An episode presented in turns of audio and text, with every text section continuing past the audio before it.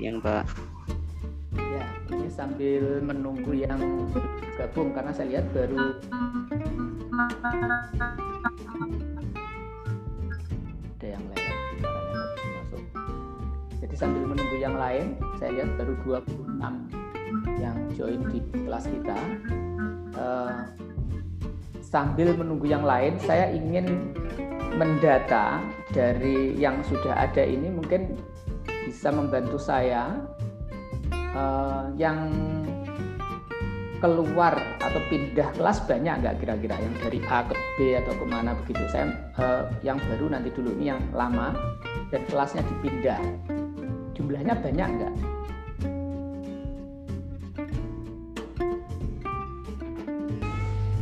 Ada informasi itu Bapak kalau dari kelas A kan uh, ada orang yang sebelumnya dari kelas B ke kelas A lagi gitu Bapak. Saya tidak paham maksudnya. Saya hanya ingin nanya, ada nggak yang dari kelas A pindah ke B atau B pindah ke A yang mengharuskan saya untuk memindah kelasnya di Skology? Pertanyaannya itu. Yang dari kelas B pindah ke kelas A ada tujuh mahasiswa Pak. Oke. B ke A ya. Kalau A ke B ada enggak?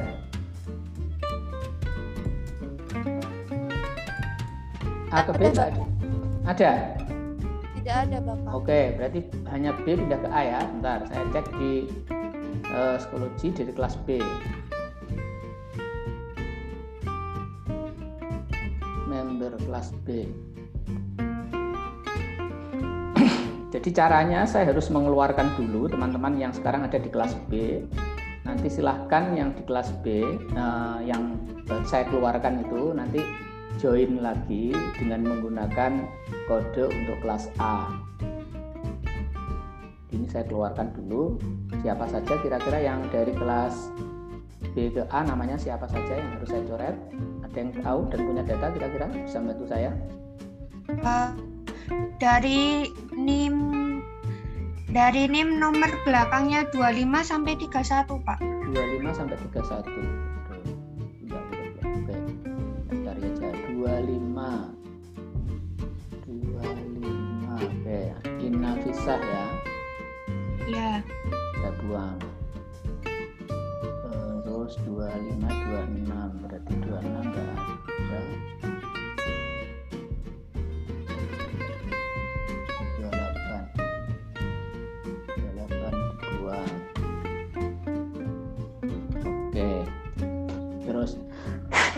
29 Ayu Zada.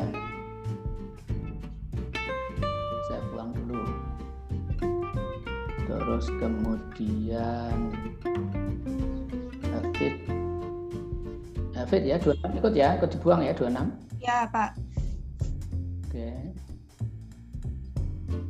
Sampai 31 oke. Yang 35 36 itu enggak ya cuma sampai 31 aja berarti Zafira 31 pas 27 Resti Rasti.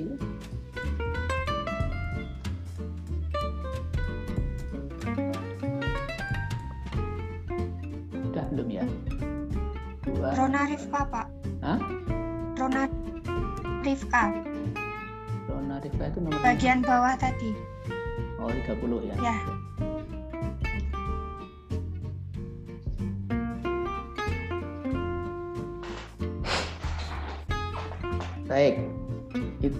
untuk yang uh, harus daftar lagi ke kelas atau pindah ke kelas A ya. Ini ada orang banyak di waiting room.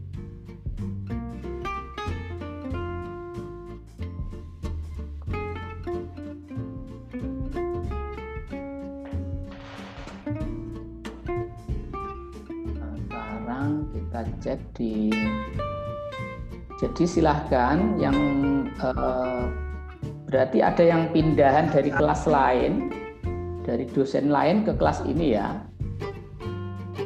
Eh, ke kelas A ada nggak? Eh, ke kelas B ada nggak? dari dosen lain ke kelas B. Nanti saya share di WA ya. Ini untuk akses code kelas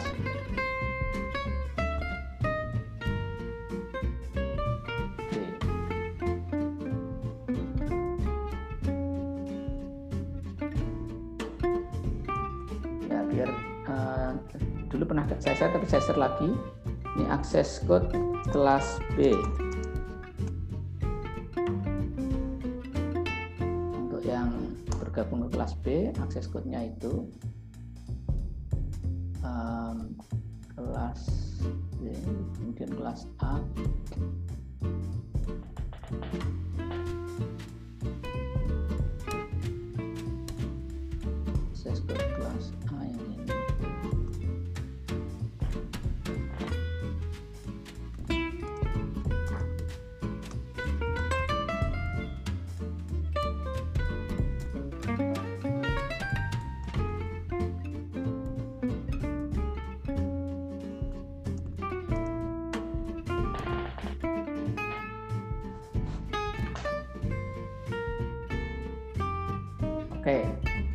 silahkan tadi yang eh, barusan saya keluarkan bergabung ke kelas pindahannya, terus kemudian yang mahasiswa baru yang pindahan dari kelas bukan A dan bukan B, eh, akses code-nya sudah saya sharing di grup WA. Untuk yang kelas B adalah yang CXC4, sementara untuk yang kelas A adalah R, B, D, F dan seterusnya.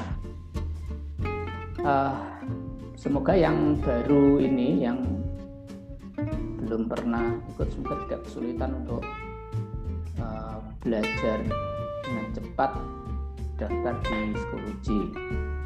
Nah terkait dengan yang uh, lupa password, kalau kamu kebetulan termasuk yang pindah kelas ya kamu bikin akun baru lagi terserah nggak apa-apa ya. Uh, kalau yang lupa password dan tetap di kelas yang sama nanti uh, silahkan menghubungi saya untuk saya buatkan password sementara. Jadi tidak bikin akun lagi kalau yang uh, tidak ganti kelas. Tapi kalau yang ganti kelas dan ingin ganti akun lagi silahkan karena saya juga tidak punya akses kalau sudah keluar dari kelas saya tadi ya. hanya mereka yang ada di dalam kelas yang saya bisa akses uh, passwordnya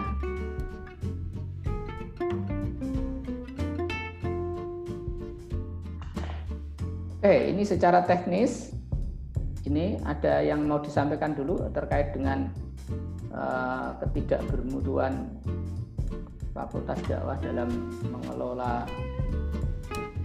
saya sebenarnya sangat dirugikan begini nih ya. Uh, dosen juga banyak dirugikan karena ada dosen yang semula punya kelas terus kemudian jadi tidak punya kelas padahal dia sudah ngajar dua tiga kali juga ya. Jadi ya kalau pengantar studi Islam bahkan kalau kita ikuti empat kali pertemuan ya berarti sudah empat kali pertemuan dan kemudian dianggap tidak mengajar gitu.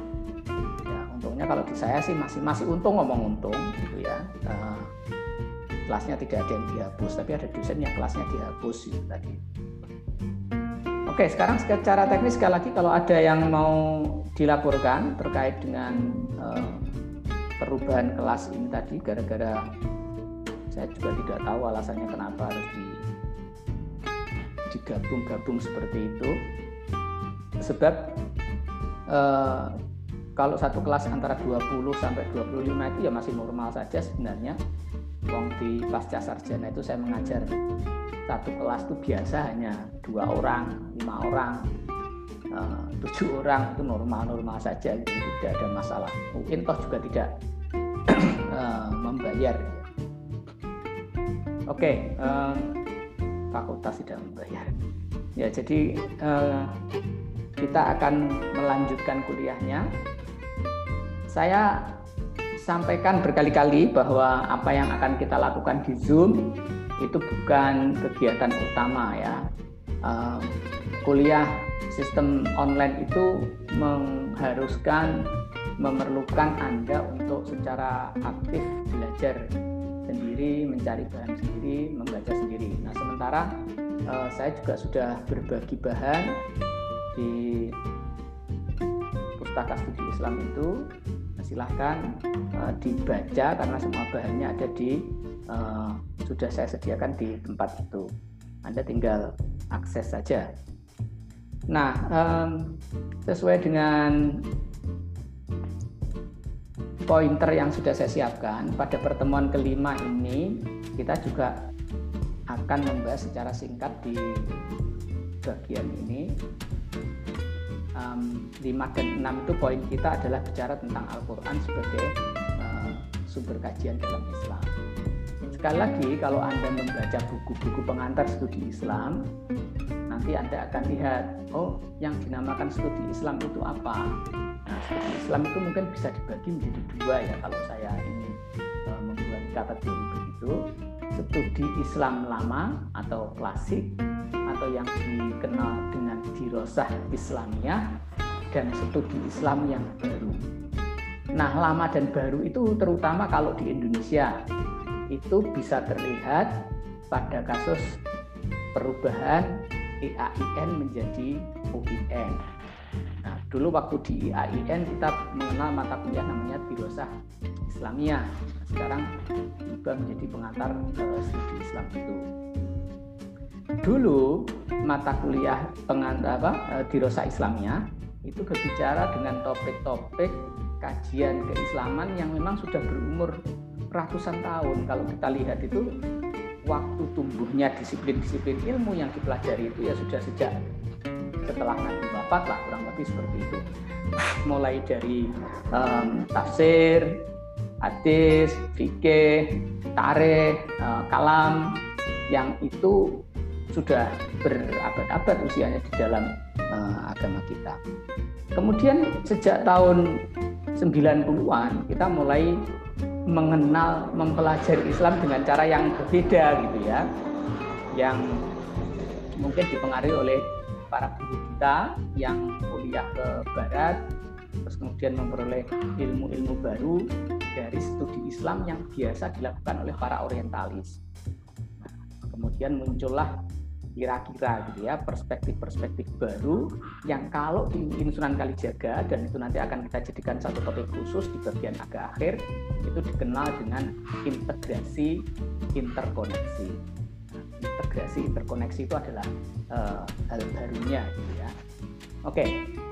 Nah, karena ini masih di awal-awal pertemuan di bagian-bagian awal kita akan mempelajari yang klasik yang dirosah Islamiah yang klasik-klasik itu. Nah, di antara ilmu-ilmu itu yang paling penting ya, yang kemudian menjadi induk dan sumber dari semua ilmu tentang Islam itu adalah studi tentang Al-Qur'an. Kenapa uh, kita bicara tentang Al-Quran? Ya karena Al-Quran itu adalah uh, bukti kenabian Nabi Muhammad gitu ya.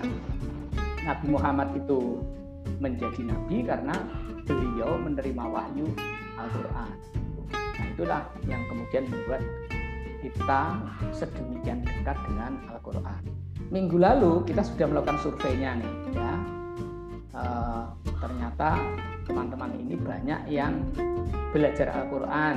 Nah, sudah belajar Al-Quran ini saya nggak tahu nah, belajarnya adalah membaca, memaknai atau apa. Nah, dugaan saya tetapi ini adalah belajar membaca Al-Quran itu adalah yang dimaksud dengan belajar Quran.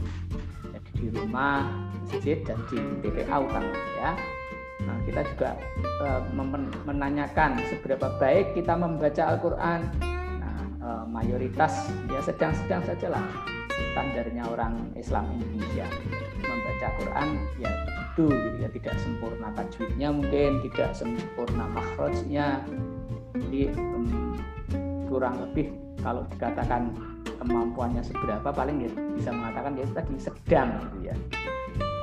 Nah uh, kita juga sudah menanyakan di pertemuan sebelumnya itu beberapa teori terkait dengan Al-Quran. Alhamdulillah kalau saya lihat hasil tesnya dari survei yang awal itu kebanyakan dari Anda itu sudah bagus, ya, sudah punya pengetahuan dasar lah eh, beberapa istilah kunci terkait dengan uh, studi Al-Quran itu. Ketika saya tanyakan, saya tanyakan madaniyah itu apa, ya sudah tahu. Ketika ditanyakan nasah mansoh ya, nah itu 78% sudah tahu gitu ya. Nah, jadi uh, minimal Anda sudah tahu lah yang dinamakan uh, mengkaji Al-Quran itu seperti apa. Nah, uh, kita karena Al-Quran itu sedemikian sentral, maka kita perlu kira-kira itu paham bahwa um, perhatian para ulama itu dulu juga besar terhadap Al-Quran ini, gitu ya. Nah, kalau kita mau melihat bagaimana studi ulama terhadap Al-Quran, saya punya gambarannya di um, silakan dicermati di bagian berikut. Ini saya buat khusus untuk kelas ini. Jadi ini adalah temuan saya ini kalau temuan saya itu lebih mikir uh, dipikir sendiri gitu ya. Saya nggak punya referensi. Kalau ditanya referensinya apa pak nggak punya saya. Tapi ini berdasarkan pengetahuan yang saya peroleh selama saya menjadi orang Islam dan selama saya menjadi uh, pengkaji Islam gitu ya. Kita kan belajar Islam itu sejak masih madrasah gitu ya terus kemudian pondok terus kemudian di IAIN nah, kalau kita belajar Al-Quran kurang lebih peta ilmu dirosah Islamiyah dalam hal ulumul Quran itu dapat saya petakan sebagai berikut ini peta saya ya. Nanti Profesor Ulumul Quran mungkin bisa mengoreksi saya kalau ada yang baca ini. Tapi um, ini memang temuan saya. Jadi yang pertama yang dipelajari itu adalah soal definisi. Jadi materi kajian Ulumul Quran itu dari berbagai kitab yang pernah kita baca yang penting di antaranya adalah soal definisi. Nah yang kedua adalah teksnya. Tuh kecepatan. Jadi yang kedua adalah teks Al-Quran teks Al-Quran itu ya yang kita pegang itu. Kalau definisi itu kan sesuatu yang kita tidak pegang. Uh, kalau teks itu sesuatu yang bisa kita pegang, bisa kita baca, itu teks Al-Quran. Jadi ada kajian yang terkait dengan teksnya, dan kemudian ada kajian yang terkait dengan bacaannya.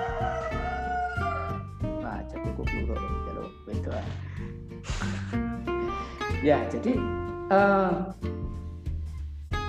bacaan Al-Quran. Nah, jadi teks itu kan tidak bisa di anu ya nggak bisa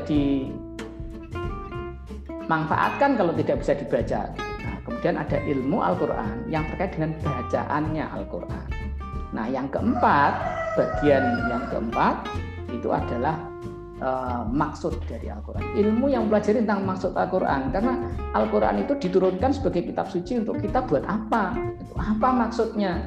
Kalau Al-Quran mengatakan zalikal kita la raiba hudan lil muttaqin bahwa Al-Quran itu adalah uh, petunjuk yang tidak ada keraguan di dalamnya la raiba Ini maksudnya apa?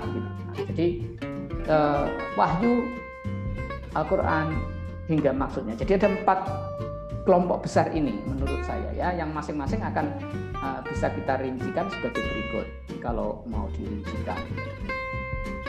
Yang pertama soal definisi. Ya, itu ada ilmu dan pembahasan mengenai apa yang dinamakan wahyu. Ya, wahyu itu apa ya? Nah, kenapa? Ya para ulama tentu pengen tahu dan pengen mendefinisikan dengan baik. Kalau kita belajar Quran, tapi kita tidak tahu apa itu wahyu kan tidak mungkin. Karena apa? Karena teks Al-Qur'an itu sumbernya adalah wahyu. Nah, wahyu ini apa? Nah, wahyu ini adalah sesuatu yang datangnya dari Allah. Didefinisikan seperti itu misalnya ya. Diturunkan pada Nabi Muhammad dan uh, yang menurunkan adalah malaikat Jibril. Misalnya seperti itu. Dalam definisi tentang uh, studi Al-Qur'an kita bicara tentang definisi wahyu ya. Nah, oke, itu yang pertama di ilmu dalam hal definisi itu ada ilmu tentang wahyu.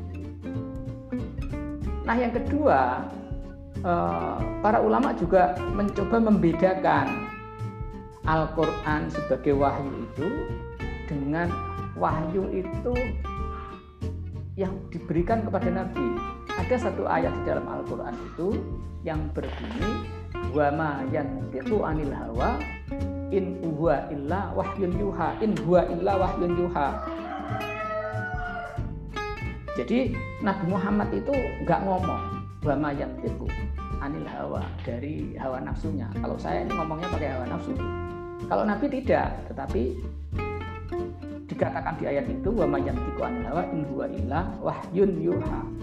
Nabi Muhammad itu ternyata semua omongan beliau itu adalah wahyun yuha wahyu. Nah, jadi kalau begitu apa bedanya wahyu yang menjadi Quran dengan wahyu yang tidak menjadi Quran? Nah, ulama kemudian membuat definisi, membedakan. Ini wahyu yang menjadi Quran itu kemudian ditulis, dicatat secara khusus. Tiap tahun kabarnya Nabi uh, diberi waktu untuk deres ya, kepada Jibril ayat-ayat yang sudah diturunkan evaluasi semacam uh, ulangan itu untuk mengetahui uh, ayat yang diturunkan selama satu tahun itu ya. Nah itu uh, salah satu definisinya ulama. Nah sementara wahyu yang tidak dituliskan maka itu kemudian menjadi hadis. Oke ya ini semoga yang sudah pernah di aliyah pernah mendengar ini. Ya ini saya uh, sebenarnya hanya mengulangi saja ini ya Oke, yang kedua dalam hal teksnya ini agak banyak nih uh, kita bicara tentang teks Al-Quran itu ya. Jadi uh, yang pertama adalah penulisannya.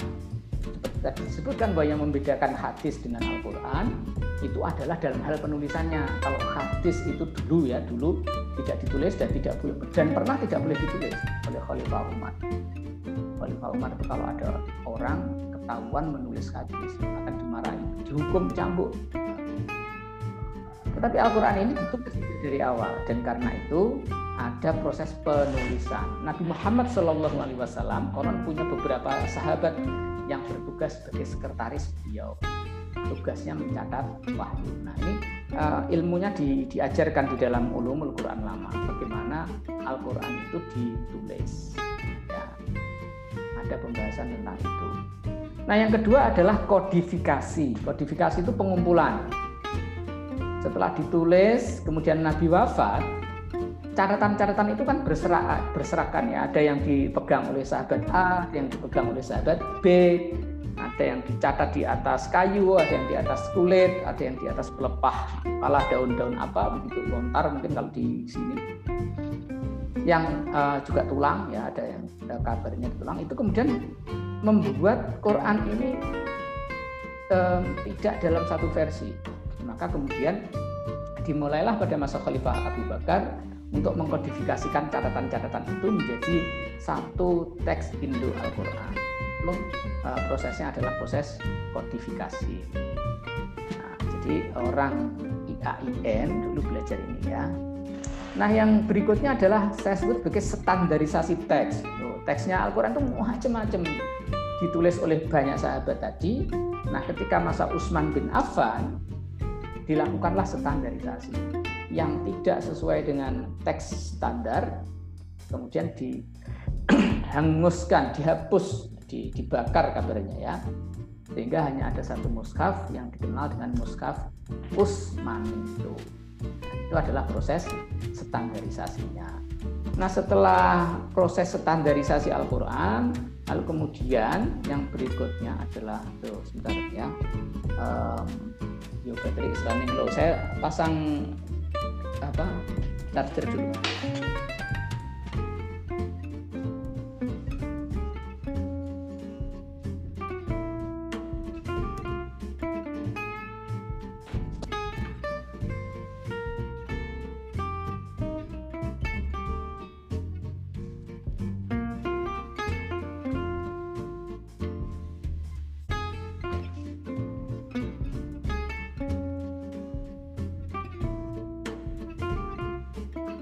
Masih pada di kelas ini kan? Enggak, saya tinggal pergi.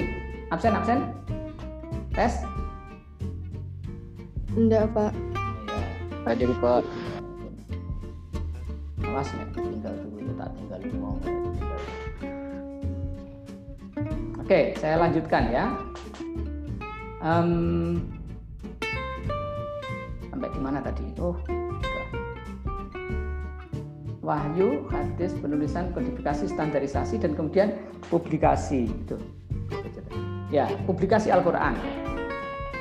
Publikasi itu penerbitan. Perlu kita ingat bahwa Quran yang sekarang ada di tangan kita itu, mungkin kamu punya Quran versi uh, cetakan Menara Kudus, ada Quran versi Kementerian Agama, ada Quran versi pemerintah Saudi Arabia. Nah, itu adalah bagian publikasinya. Teks Al-Quran itu diterbitkan ada dalam banyak ragam, ditulis dengan banyak macam khot gitu ya. Sebenarnya kalau kamu belajar tentang teks dan publikasi Al-Quran saja itu sudah nggak ada habis-habisnya mungkin ya. Karena mungkin kamu akan ketemu ini wah ini desain Al-Quran versi zaman Diponegoro misalnya. Desain Al-Quran versi karena dulu uh, Al-Quran itu ditulis tangan kalau uh, naskah-naskah yang disimpan di Belanda misalnya dari zaman uh, penjajahan Belanda dan diangkut ke sana itu Quran-Quran itu ditulis tangan jadi di kopinya, penggandaannya itu untuk publikasinya itu tidak tidak dalam bentuk cetak yang sama persis enggak. Masing-masing Quran itu punya uh, teks yang khas unik gitu. Khotnya juga begitu gitu. Jadi uh, macam-macam.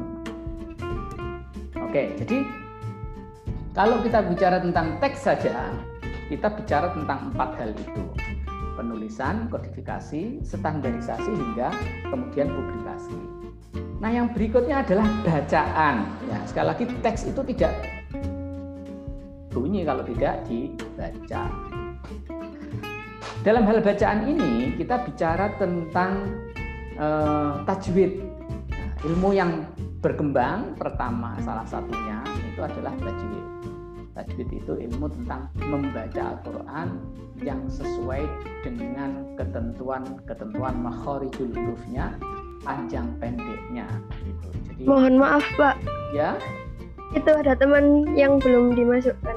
Teman-temanmu itu dimasukkan berkali-kali loh sebenarnya Mbak Ayu itu tapi cuma nggak masuk-masuk aja karena koneksi mereka yang kurang bagus. Jadi saya biarkan dulu sampai jumlahnya yang cukup gitu ya. Iya Pak, makasih. Ya, Oke. Okay. Uh, Pia itu misalnya. Itu berkali-kali itu saya uh, admit tapi nggak masuk-masuk juga gitu. Nanti keluar lagi gitu ya. Kalau sudah lima orang atau berapa saya cek lagi. Nah, biar tidak terus menerus ngecek ya. Oke uh, dan nanti bisa dan saya kira memang harusnya wajib ya. Semua orang walaupun ikut kuliah ini tetap harus nonton YouTube-nya. Mengapa? Karena kalau cuma sekali saja kita itu kadang belum paham jadi mungkin dengan mengulang-ulang nanti akan uh, lebih paham gitu ya. Jadi sebenarnya tidak ada salahnya kalau yang hadir kuliah pun juga tetap menonton rekaman YouTube-nya ya. Yang pertama adalah tajwid. Nah, jadi tadi sudah disebutkan tajwid itu adalah ilmu yang berbicara atau yang mengatur tentang bagaimana kita membaca Al-Qur'an yang sesuai dengan uh, makhrajnya. Kenapa itu penting? Ya karena bahasa Arab itu beda sedikit saja cara mengucapkannya itu sudah beda maknanya ya. Uh, antara short dan sin misalnya. Antara ta dan sha itu sudah berbeda gitu ya. Jadi uh, kenapa ada ilmu tajwid? Karena diharapkan kita membaca tetap sesuai dengan bunyinya panjang pendeknya juga begitu berubah panjang pendeknya juga akan berubah maknanya. Oke, ilmu bacaan yang lain itu ada namanya kiroat. Nah kiroat itu ada sejak zaman Nabi.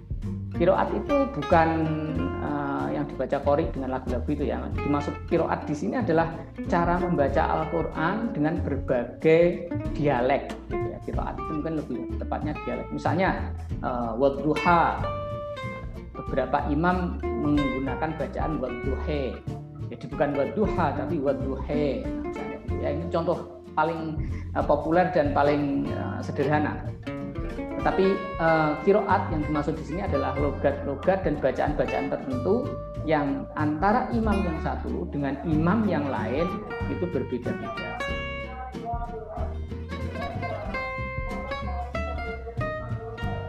Ya. Tidak sini.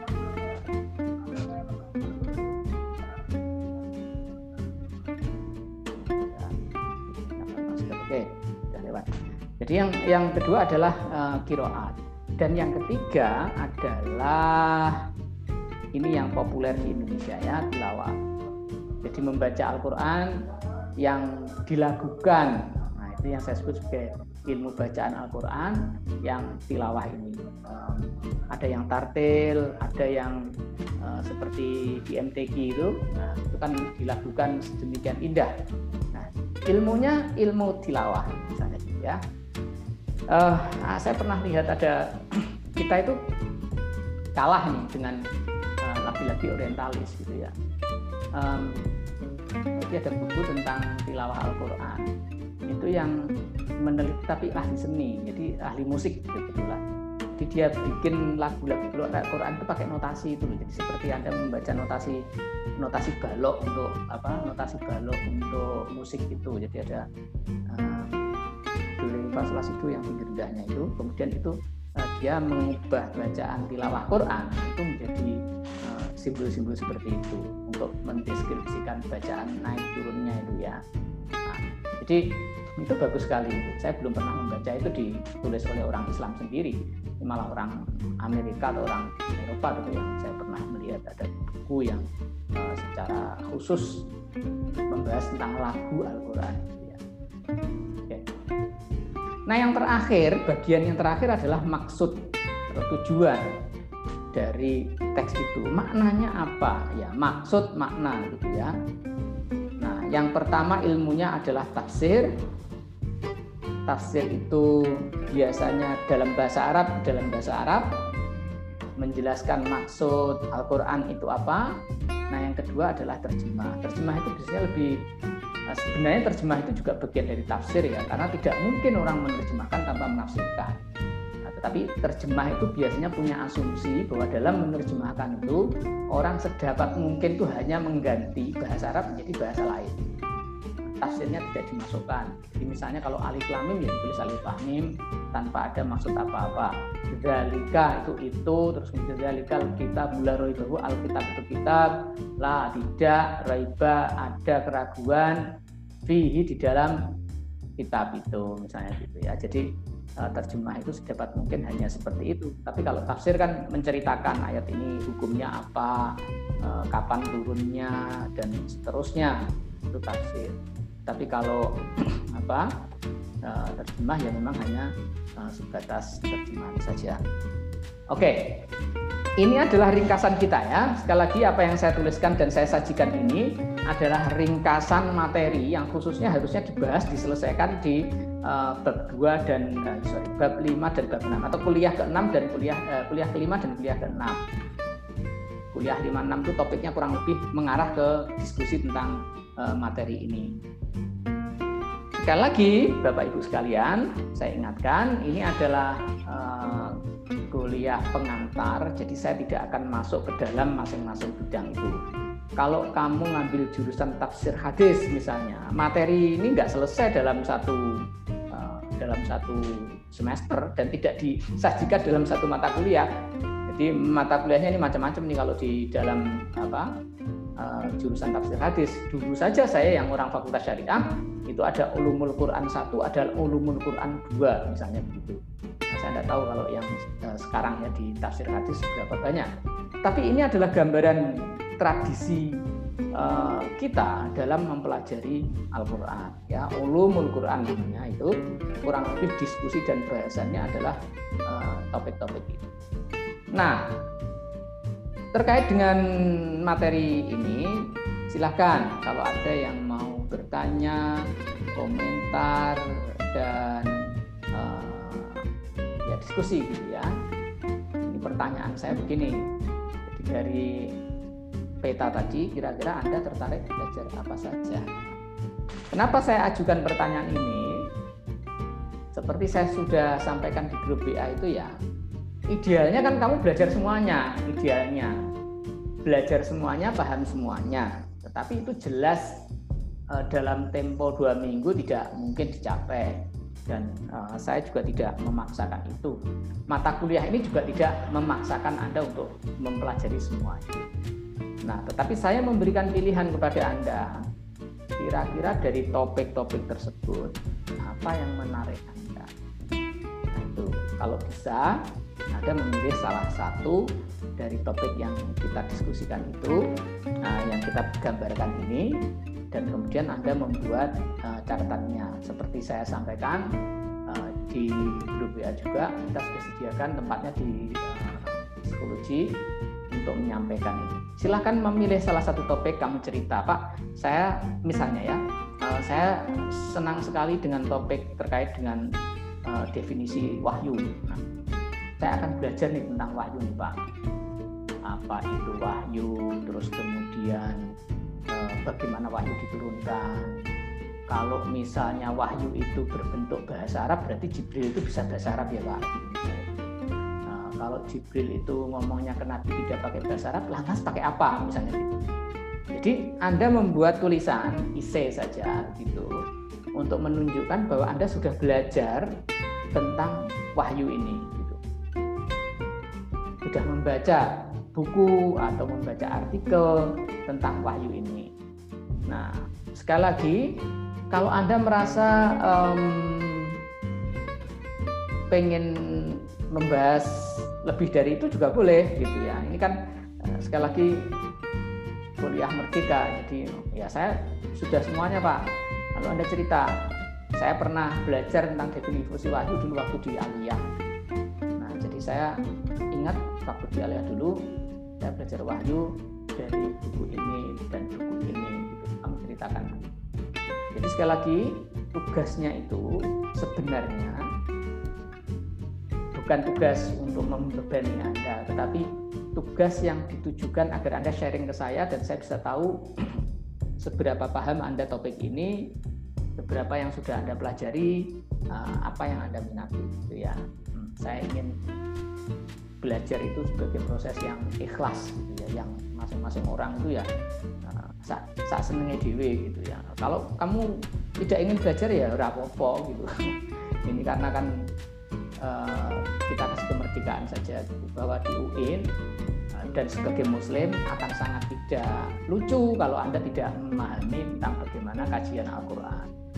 Nanti jadinya kalau anda tidak paham itu gitu loh ada ustadz ngomong apa Allah subhanahu wa ta'ala berfirman bahwa orang yang mengucapkan selamat Natal itu kafir misalnya. Nah, ini kalau nggak belajar ilmu-ilmu kayak gini gampang anda percaya dengan uh, jualan khotbah semacam itu gitu ya. Jadi ini pentingnya kita belajar uh, ilmu-ilmu Al-Quran sebagai orang UN, sebagai orang Muslim dan apa relevansinya dalam kehidupan sehari-hari. Oke, sekarang waktunya Anda untuk ngomong. Saya persilahkan. Boleh nanya. Izin bertanya, Pak. Ya, silakan Pak. Siapa namanya? Imam Rafi'i? Ya, uh, itu Pak. Bagaimana tentang pandangan Bapak tentang membaca Al-Quran dengan logat Jawa? Misalnya membaca Al-Quran itu nadanya nada, nada lagu Jawa itu bagaimana Pak? Kan banyak orang yang mempermasalahkan juga itu Pak. Hmm, ya, Terima saya sebenarnya kasih, bisa menjawab pertanyaanmu ya Mas. Oh, saya pasti bisa menjawab pertanyaan itu. Tetapi sekali lagi, uh, ini kuliah bukan pengajian. Nah, itu saya tidak mau menjawab bukan karena tidak bisa, tetapi bukan begitu cara kita belajar. Mas Sopo tadi sini, Rofingi. Ya. Bagaimana kalau Anda menulis itu saja? Jadi mahasiswa itu jangan nanya, ya. Jadi mahasiswa itu harus membaca. Nah, dengan membaca, Anda paham, lah Pak, ini yang saya pahami dari uh, beberapa artikel ini.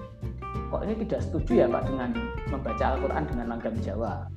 Nah, menurut saya Al-Quran itu harusnya tetap suci, tidak dijawabkan gitu ya. Jadi misalnya Anda punya pendapat seperti itu ya boleh gitu ya. Jadi sekali lagi um, jangan menyia-nyiakan ya waktunya gitu untuk uh, waktu ini maksud saya untuk bertanya karena saya tidak akan menjawab pertanyaan seperti itu. Tapi itu pertanyaan bagus dan saran saya Anda menjawab pertanyaan itu Mas Rofingi.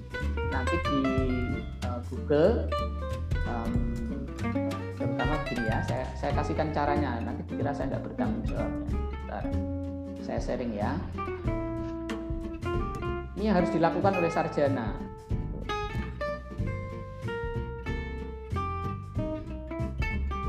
Kita pergi ke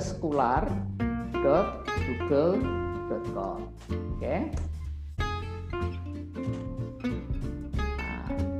kan topiknya tentang uh, membaca Al-Qur'an. Oke, membaca Al-Qur'an dengan langgam Jawa. Oke. Oke. Anda lihat di situ ada dua artikel paling tidak ya. Dua atau satu itu. Dua artikel ya membaca Al-Quran dengan langgam daerah, studi syarah hadis dalam kutub busitah tentang hadis memperindah membaca Al-Quran. Terus yang kedua, membaca Al-Quran dengan langgam Jawa dan orkestra, analisis penerapan ilmu tajwid pada pelantunan pembacaan Al-Quran. Saya tanya nih Mas Rofingi, mana Rofingi mana Rofingi? Ya Pak. Kamu bisa membaca yang saya sharing ini? Bisa Pak. Nah, menurut dugaanmu, dua artikel itu akan membantu menjawab kamu enggak kira-kira? Mungkin bisa, Pak. Ya, oke. Okay. Nanti tolong itu dibaca ya, agar kamu punya jawaban yang uh, ilmiah, tidak dosenmu menjadi ustadz kalau nanti menjawab, oh hukumnya haram, nah, gampang.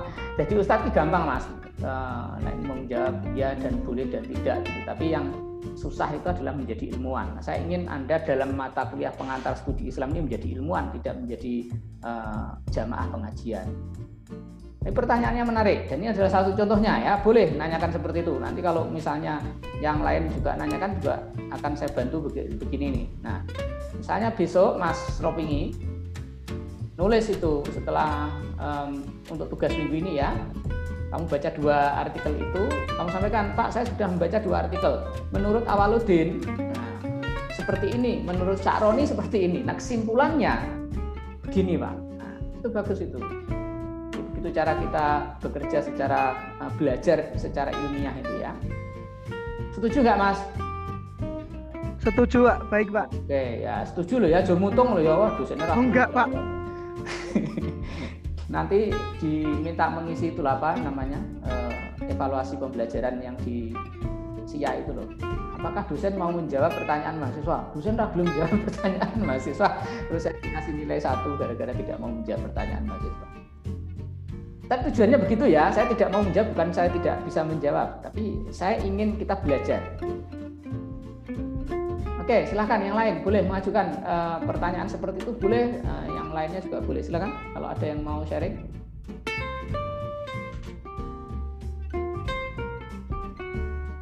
Nah, terus do kapok rawan takon menurut saya.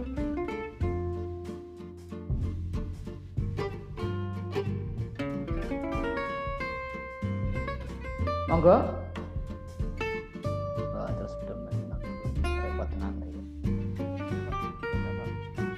Ya, silahkan siapa ini? Ahim. Suaramu kecil sekali ya, bentar, bentar. Itu tak berbesar kok. Ya, silahkan. Al-Quran kan kalam Allah ya, artinya khotim. Nah, tadi Bapak menyampaikan bahwasanya bacaan itu banyak termasuk kiroat. Sedangkan kiroat kan termasuk yang hadis Pak, baru. Apakah itu tidak bertentangan Pak? Al-Quran kan kodim, sedangkan kiroatnya itu kan hadis. Ya. Apakah itu tidak bertentangan menjelasnya? Nah ini model penjelasan lagi ya. Uh, sebenarnya saya bisa menjelaskan. Oke, saya saya beri jawaban singkat saja sebenarnya. Diskusi itu ada dalam diskusi ilmu kalam sebenarnya, uh, tidak dalam diskusi ilmu ulumul Quran. Jadi apakah Quran itu kodim atau Quran itu hadis itu ada ya yang belum uh, yang mungkin yang lain mungkin perlu saya kasih tahu bahwa hadis di situ bukan artinya hadis Nabi ya. Hadis di situ artinya baru.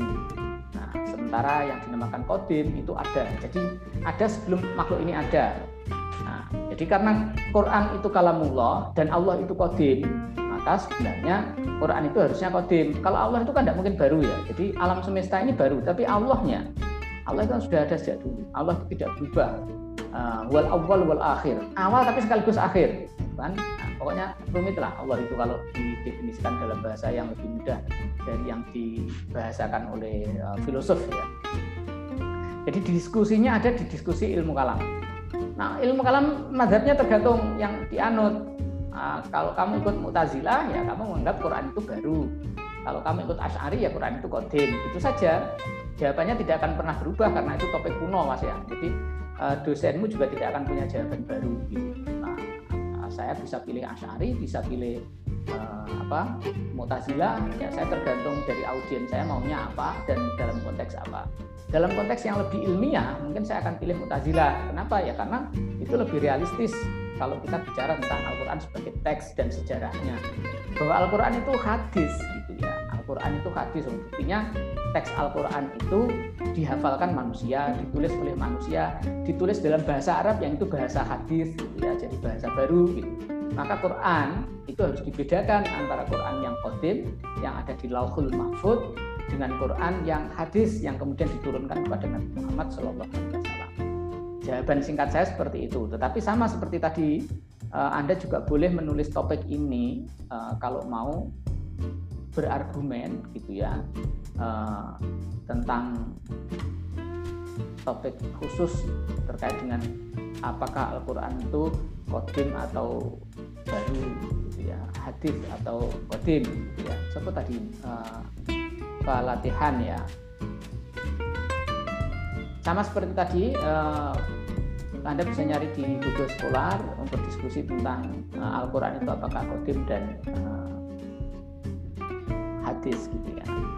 Mana ya Mas ya, biar tidak sekali lagi saya tidak ingin berada pada posisi sebagai ustadz uh, di pengajian, jadi saya tidak memberikan jawaban tuntas untuk pertanyaan-pertanyaan. Saya memberikan perspektif saja bagaimana Anda bisa menjawab pertanyaan itu. Dan begitulah yang dinamakan studi Islam ya. Um, salah satu yang membedakan studi Islam atau kajian Islam dengan pengajian itu adalah kita berada di luarnya. Kita memposisikan diri sebagai peneliti, bukan sebagai orang yang beriman. Gitu ya. Jadi kalau pengajian itu kita beriman, karena kita beriman itu kita tidak mempertanyakan, kita menerima. Tetapi sebagai peneliti, saya berada di luar. Ada orang tahlilan, saya nggak akan menghukumi tahlilan itu bid'ah atau tidak tahlilan itu oh, nanti kalau saya terlibat itu nanti saya jadi orang NU atau jadi Muhammadiyah gitu kan. Nah, saya sebagai pengamat praktek tahlilan di kampung A. Apa fungsi sosialnya? Apa fungsi kulturalnya? Apa fungsi politiknya? Ada nggak fungsi tahlilan politik? Oh ada. Kalau tidak salah kabarnya Pak Amin Rais akan mengadakan tahlilan nasional besok tanggal 21 kalau salah itu tahlilan nasional. Fungsinya apakah di situ bid'ah uh, apa enggak itu fungsinya fungsi politik misalnya begitu jadi sebagai peneliti saya akan lebih netral saya nggak akan bicara hukum halal haram tetapi bicara tentang menjelaskan fenomena itu sebagai praktek imannya orang Islam. Ya oke lagi. Silahkan kalau ada pertanyaan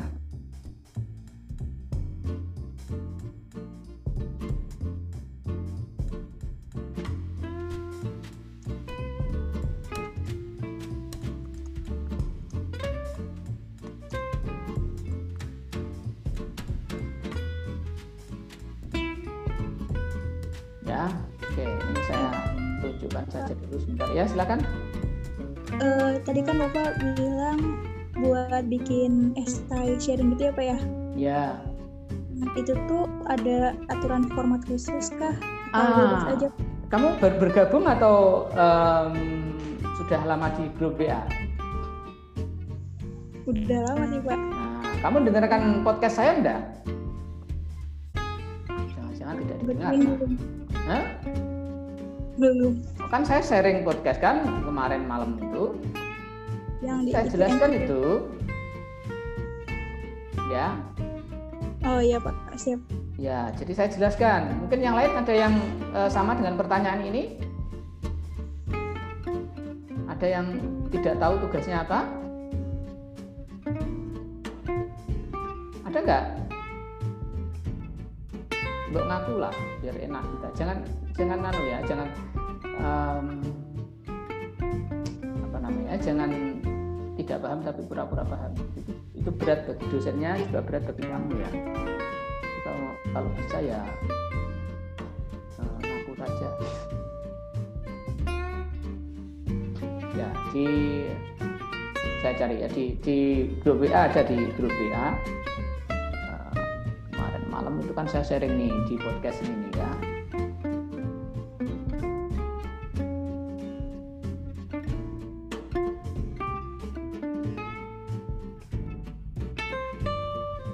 Ini audionya saya sharing. Terdengar nggak audionya? Halo? Kecil suaranya kecil pak.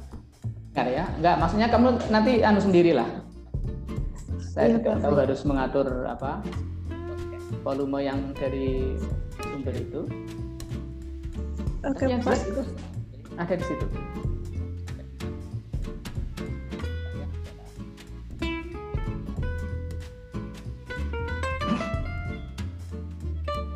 Ya, oke. Jadi nanti yang belum mendengarkan didengarkan. Saya sudah memberikan petunjuk tugasnya seperti apa di situ. Eh, yang mengucapkan baik Bapak terima kasih itu ada Atika Inanda, ada Sofi, ada Anissa, ada Khairunisa, ada Farka, ada Tasya. Nah ini yang mengucapkan terima kasih terima kasih Bu paham Bu pokoknya mengucapkan terima kasih gitu kan. Di grup ini banyak orang mengucapkan terima kasih.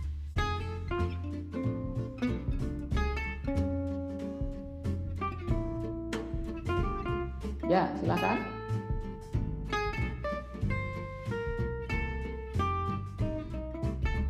Nggak ada, nggak anu ya. eh, sekali lagi, aku nggak ngerti apakah dosen lain melakukan hal ini atau tidak. Tetapi tujuan saya sebenarnya betul-betul ingin mengajak anda belajar dengan cara yang paling anda sukai dan paling anda minati. Tugas saya sekali lagi adalah membimbing eh, menunjukkan materinya saja. Karena kita online itu ya begini ya. Saya nggak bisa eh, seperti kalau kuliah di kelas full gitu tidak bisa. Dan karena itu yang bisa dilakukan adalah memberikan petunjuk-petunjuk target-target yang mungkin bisa dicapai. Nah kalau anda punya masalah silahkan sharing. Nah sedapat mungkin kita share Nah, topik kita sampai dengan kuliah 56 itu adalah studi Al-Quran yang tadi saya gambarkan dalam peta tadi.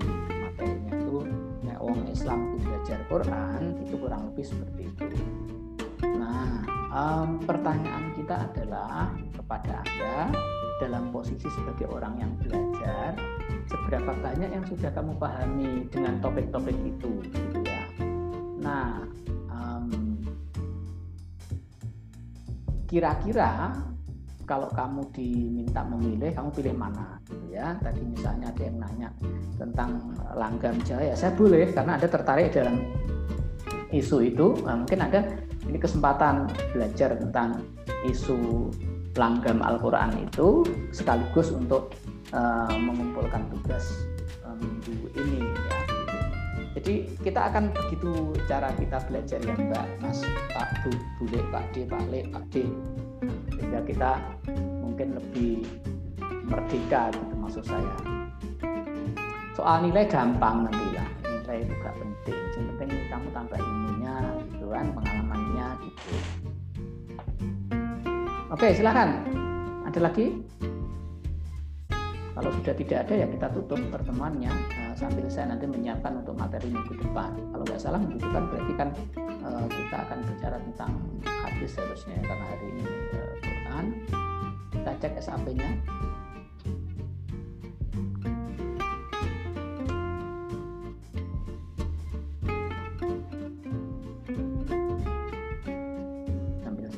Menyiapkan untuk yang minggu depan nanti ya.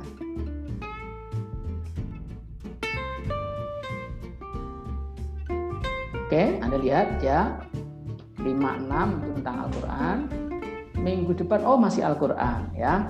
Minggu depan secara khusus eh, diskusi kita mungkin akan terkait dengan tafsir dan mufasir. Nah, kita kenalan dulu ya. Eh, beberapa hal nanti akan kita bicarakan secara khusus mengenai tafsir dan mufasir. Kita juga akan bicara tentang eh, di pertemuan 8 itu adalah posisi Nabi terhadap. Jadi nanti kita akan diskusikan dua topik itu minggu depan. Oke, eh, hadis baru akan kita bicarakan nanti pada pertemuan eh, ke-10. Ke 9 10 ya, berarti masih dua minggu, depannya lagi. Oke, terima kasih. Kalau tidak ada pertanyaan ya kita tutup saja kuliah hari ini eh, pertemuannya. Terima kasih sudah berpartisipasi. Tolong tugasnya dikerjakan. Didengarkan di eh, podcast tadi. Kira-kira kamu pilih tugasnya akan dikerjakan dalam bentuk apa dan seperti apa. Eh, saya memberikan kebebasan dan petunjuknya ada di dalam audio tadi. Untuk yang baru bergabung dari kelas sebelah. Uh, nanti akan saya share juga YouTube pertemuan pertama dan pertemuan kedua. Tolong didengarkan baik-baik. Uh, mengulang kalau perlu mengulang didengarkannya berulang-ulang biar uh, tidak salah paham. Terima kasih semuanya. Uh, wassalamualaikum warahmatullahi wabarakatuh